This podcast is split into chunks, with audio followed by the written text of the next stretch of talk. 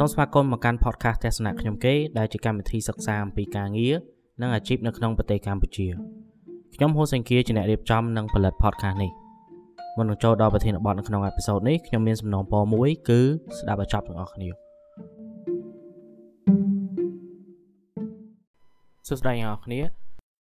នេះជាអេពីសូតថ្មីមួយទៀតរបស់ podcast ទស្សនៈខ្ញុំគេប្រធានបទក្នុងថ្ងៃនេះគឺហេតុអីបានជាអ្នកទាំងអស់គ្នាគួរតែ ធ្វើការក្រៅម៉ោងឆ្លៀតយើងថាឆ្លៀតធ្វើការក្រៅម៉ោងឬអ្នកខ្លះគេហៅថាហៅបច្ចេកខាងក្រៅធ្វើសម្រាប់ខាងតកែឬខាងក្រុមហ៊ុននៅពេលដែលពួកគាត់ឮថាបុគ្គលិកធ្វើការក្រៅម៉ោងឬមានបច្ចេកខាងក្រៅធ្វើអញ្ចឹងគាត់មានការបារម្ភខ្លាចបុគ្គលិកនឹងយកពេលម៉ោងការងាររបស់គាត់ទៅធ្វើបច្ចេកខាងក្រៅឬយើងនិយាយឲ្យអកស្ដាប់គឺលួចម៉ោងការងារ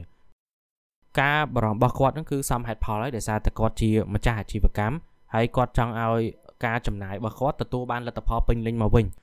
ប៉ុន្តែសម្រាប់ខ្លួនយើងដែលជាបុគ្គលិកយើងមិនគួរឲ្យអាការបារម្ភរបស់គាត់ហ្នឹងខ្លាចជាឧបសគ្គមិនឲ្យយើងរកបច្ចេកខាងក្រៅធ្វើទេ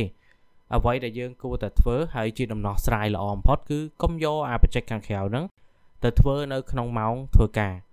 យើងធ្វើការតែ8ម៉ោងទេអញ្ចឹងក្រៅពីម៉ោង8ម៉ោងហ្នឹងយើងមានពេលសម្រាប់ធ្វើបច្ចេករបស់យើងផ្ទាល់ខ្លួននៅខាងក្រៅ មិនថាជាពេលល្ងាចឬក៏ពេលយប់អត្រាតអីអាហ្នឹងស៊ីសងទៅលើរបៀបធ្វើការរបស់យើងថាយើងធ្វើការពេលណាបានមានប្រសិទ្ធភាពជាងបើសិនជាយើងមិនធ្វើឲ្យប៉ះពាល់ម៉ោងការងារអាការបារម្ភរបស់គាត់នឹងអត់តាក់ទងជាមួយយើងទេហើយនៅមានមូលហេតុល្អល្អជាច្រើនទៀតដែលអ្នកទាំងអស់គ្នាគួរតែរៀនរកបច្ចេកខាងក្រៅធ្វើដោយខ្លួនឯងខ្ញុំនឹងលើកបង្ហាញម្ដងមួយម្ដងមួយទៅតាមបទពិសោធន៍របស់ខ្ញុំដោយសារតែខ្ញុំធ្វើបច្ចេកខាងក្រៅតាំងពីចូលធ្វើការប្រហែលជា6 7ឆ្នាំហើយ ទោះបីជាមិនបានធ្វើជាប់លាប់ក៏ដោយប៉ុន្តែអាការដែលយើងរកបច្ចេកខាងក្រៅធ្វើហ្នឹងវាអាចជួយអាចំណូលរបស់យើងគឺវាជួយព្រោះយើងមានលុយបន្ថែមហើយម្យ៉ាងទៀតវាជួយពង្រីកអាជំនាញរបស់យើងដែរជំនាញខាងក្រៅរបស់យើងណាអញ្ចឹងខ្ញុំចាប់ផ្ដើមពីដំបូងទៅខ្ញុំរៀបរាប់ខ្លួនឯងសិនដោយសារតែខ្ញុំធ្វើការងារនៅក្នុងផ្នែក design ហ្នឹង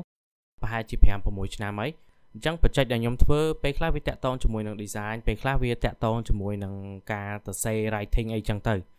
អើពេលខ្លះខ្ញុំរកបច្ចេកដោយខ្លួនឯងពេលខ្លះទៀតតាក់ទងជាមួយខាង agency ហើយមានពេលខ្លះទៀតគឺមិត្តភ័ក្តិអ្នកដែលស្គាល់គ្នាហ្នឹងគេតម្លាក់ការងារឲ្យធ្វើអញ្ចឹងរបៀបដែលខ្ញុំរកបច្ចេកគឺងាយងាយទេអត់ចាំបាច់ទៅផុសអីច្រើនទេឬអ្នកខ្លះគាត់ធ្វើការផ្សព្វផ្សាយពីខ្លួនគាត់តាម advertisement នេះអត់មានទេអឺមូលហេតុដែល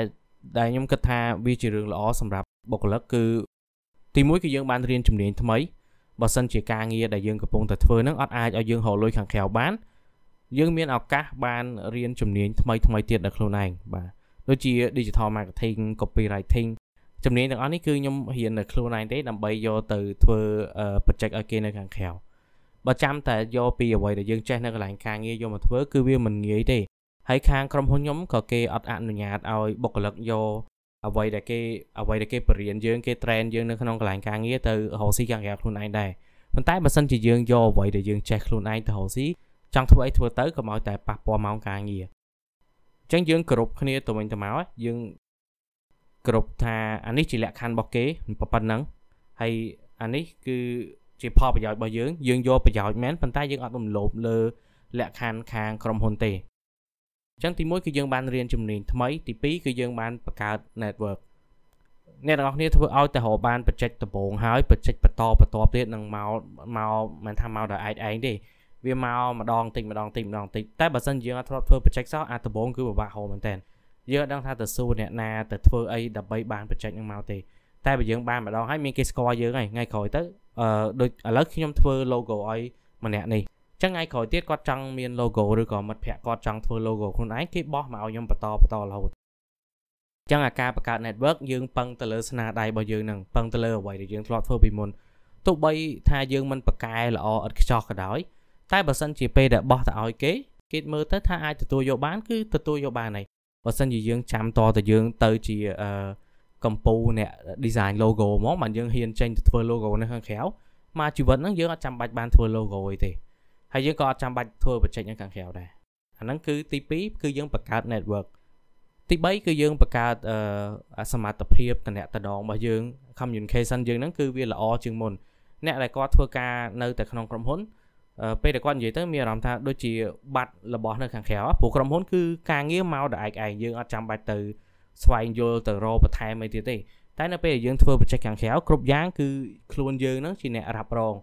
ពេលខ្លះយើងសួរគាត់ពីនេះពីនោះដើម្បីដឹងព័ត៌មានបន្ថែមពេលដែលធ្វើទៅកុំឲ្យវាខុសឬកែច្រើនដងអាកែច្រើនដងហ្នឹងខាតពេលយើងណាព្រោះយើងពេលវេលាយើងមានកំណត់បើសិនយើងធ្វើការអស់8ម៉ោងអញ្ចឹងយើងនៅសល់ប្រហែលជា6ទៅ7ម៉ោងទៀតទេដែលយើងអាចធ្វើបានទៅតាមកម្លាំងរបស់យើងណាយើងអាចពឹងលើខារ៉ាបាវឬកោចូលបានមែនពេលយប់ប៉ុន្តែវាអត់បានរាល់ថ្ងៃទេបាទព្រោះសួរខ្ញុំទៅអាហ្នឹងមកកំប៉ុងយ៉ាងច្រើនគឺបានតែ2ម៉ោង3ម៉ោងទេ ហើយយើងប្រើវានៅពេលដែលត្រូវការបញ្ចប់បច្ចេកបញ្ញាប់ដើម្បីឲ្យតាន់ deadline ព្រោះនៅពេលដែលយើងធ្វើបច្ចេកខាងក្រៅបើអត់តាន់ deadline គេអត់ស្ដីយើងទេប៉ុន្តែគេអត់ឲ្យលុយយើងតែម្ដងគេ cancel បច្ចេកហ្នឹងចោលហើយវាសុខាតអ្នកណាគេគឺខាតខ្លួនយើងហ្នឹងហើយបើសិនជាយើងធ្វើការចោះកុងត្រាជាមួយនឹងក្រុមហ៊ុនធំធំទៀតគេឲ្យយើងសងនៅពេលដែលយើងអាចធ្វើតាន់ deadline របស់គេហ្នឹងអញ្ចឹងទី3គឺបង្កើន communication របស់យើងហើយទី4នេះជា រឿងផ្ទាល់ខ្លួននេះខ្ញុំគិតថាវាបង្កើនទំនុកចិត្តដល់យើងដែរក្នុងនាមជាបុគ្គលិកម្នាក់នៅពេលដែលយើងអាចមានសមត្ថភាពរកបច្ចេកធ្វើខ្លួនឯងពេលយើងទៅធ្វើការយើងមានអារម្មណ៍ថាអូទោះបីជាថ្ងៃនេះគេដេញអញចោលក៏ពេលដែលអញចេញមកទោះបីជាមិនទាន់មានការងារធ្វើភ្លាមភ្លាមក៏យើងអាចរកបច្ចេកនៅខាងក្រៅធ្វើដែរព្រោះយើងធ្លាប់រកបានហើយនៅពេលដែលយើងធ្លាប់រកបានយើងនឹងថាអូវាអាចរកបានបន្តទៀតទោះបីជាវាមិនបានច្រើនតែយើងវាមិនអត់ទេ អញ្ចឹងអា4ចំណុចនេះខ្ញុំគិតថាអ្នកទាំងអស់គ្នាគួរតែសាកល្បងធ្វើឲ្យខ្លួនឯងបើសិនជាការងាររបស់យើងជាការងារដែលអត់មានគេជួទៅធ្វើខាងក្រៅទេរៀនជំនាញថ្មីហើយ website ដែលសម្រាប់រៀនជំនាញថ្មីល្អបំផុតគឺ Skillshare ដោយសារតែវាតម្លៃវាធូរថ្លៃហើយវាសបោអឺ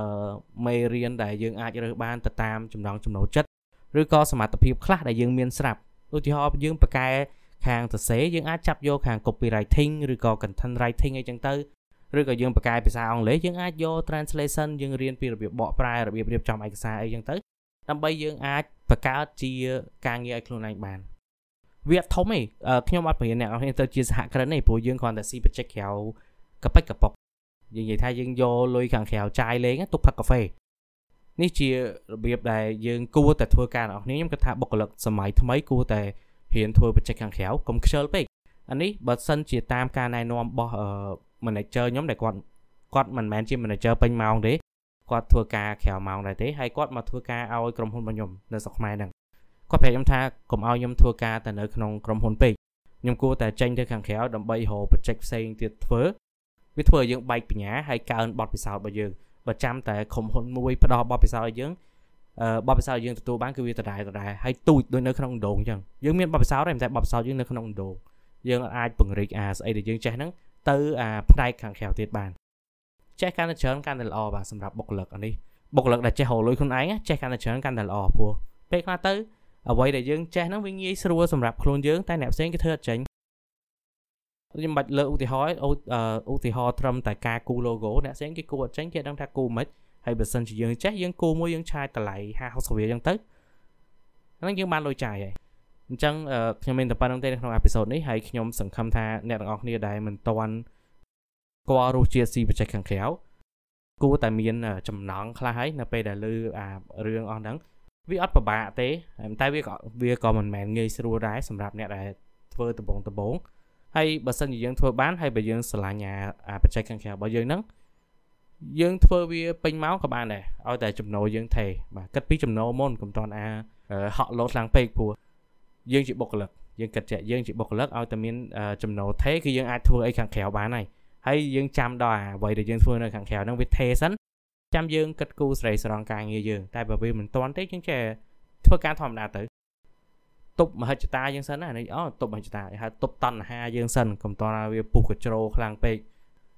ចឹងខ្ញុំមានប៉ុណ្្នឹងទេជួបគ្នានៅក្នុងអេពីសូតក្រោយសម្រាប់អ្នកដែលស្ដាប់ហើយអត់ទាន់បាន subscribe ចុច subscribe ផងដើម្បីទទួលបាន podcast អេពីសូតថ្មីថ្មីពី podcast នេះហើយសម្រាប់អ្នកដែល subscribe ហើយនៅលើ Apple Podcast សូមជួយចូលទៅសរសេរ review ខ្លីៗផង review ហ្នឹងវាជួយឲ្យអា podcast របស់ខ្ញុំហ្នឹងឡើងនៅក្នុងអា chart របស់គេនៅក្នុង Apple Podcast ហ្នឹងព្រោះឥឡូវវាវាបាត់ខ្លួនចេញពី Spotify ហើយហើយខ្ញុំគិតថា Spotify ក៏វាទាញ algorithm ពី Apple Podcast ដែរខ្ញុំអត់ច្បាស់ទេដោយសារតែអ្វីដែលគេសរសេរហ្នឹងគឺវាអត់ច្បាស់ដែរ អញ្ចឹងមានតែពឹងលើ review របស់អ្នកទាំងអស់គ្នាហ្នឹងអាចចុច download ទៅ download ប្រហែលជាគេរាប់ដែរមើលទៅខ្ញុំអត់អត់សូវច្បាស់ថា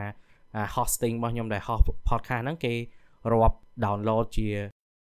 សញ្ញាថា podcast ហ្នឹងមានតែស្ដាប់អត់ទេបាទអញ្ចឹងអ្នកដែល review ហើយខ្ញុំអរគុណខ្ញុំឃើញ review ថ្មី2ទៀតហើយនៅក្នុង Apple Podcast អរគុណមែនតើទោះបីជាសេខ្លីៗក៏ដោយតែវាមានប្រយោជន៍សម្រាប់ podcast ហ្នឹងខ្ញុំនឹងព្យាយាមធ្វើ content ឲ្យទៀងពេ ទៅតាមពូខ្ញុំធ្វើការពេញម៉ោងហើយខ្ញុំធ្វើការក្រៅម៉ោងទៀតចឹងមានតែឆ្លៀតទេហើយឥឡូវរវល់នៅនៅកិច្ចការផ្ទះគឺរវល់រវល់មែនតើអញ្ចឹងពេលណាដែលមានខ្ញុំនឹងព្យាយាមធ្វើ content ឲ្យបានច្រើនអរគុណ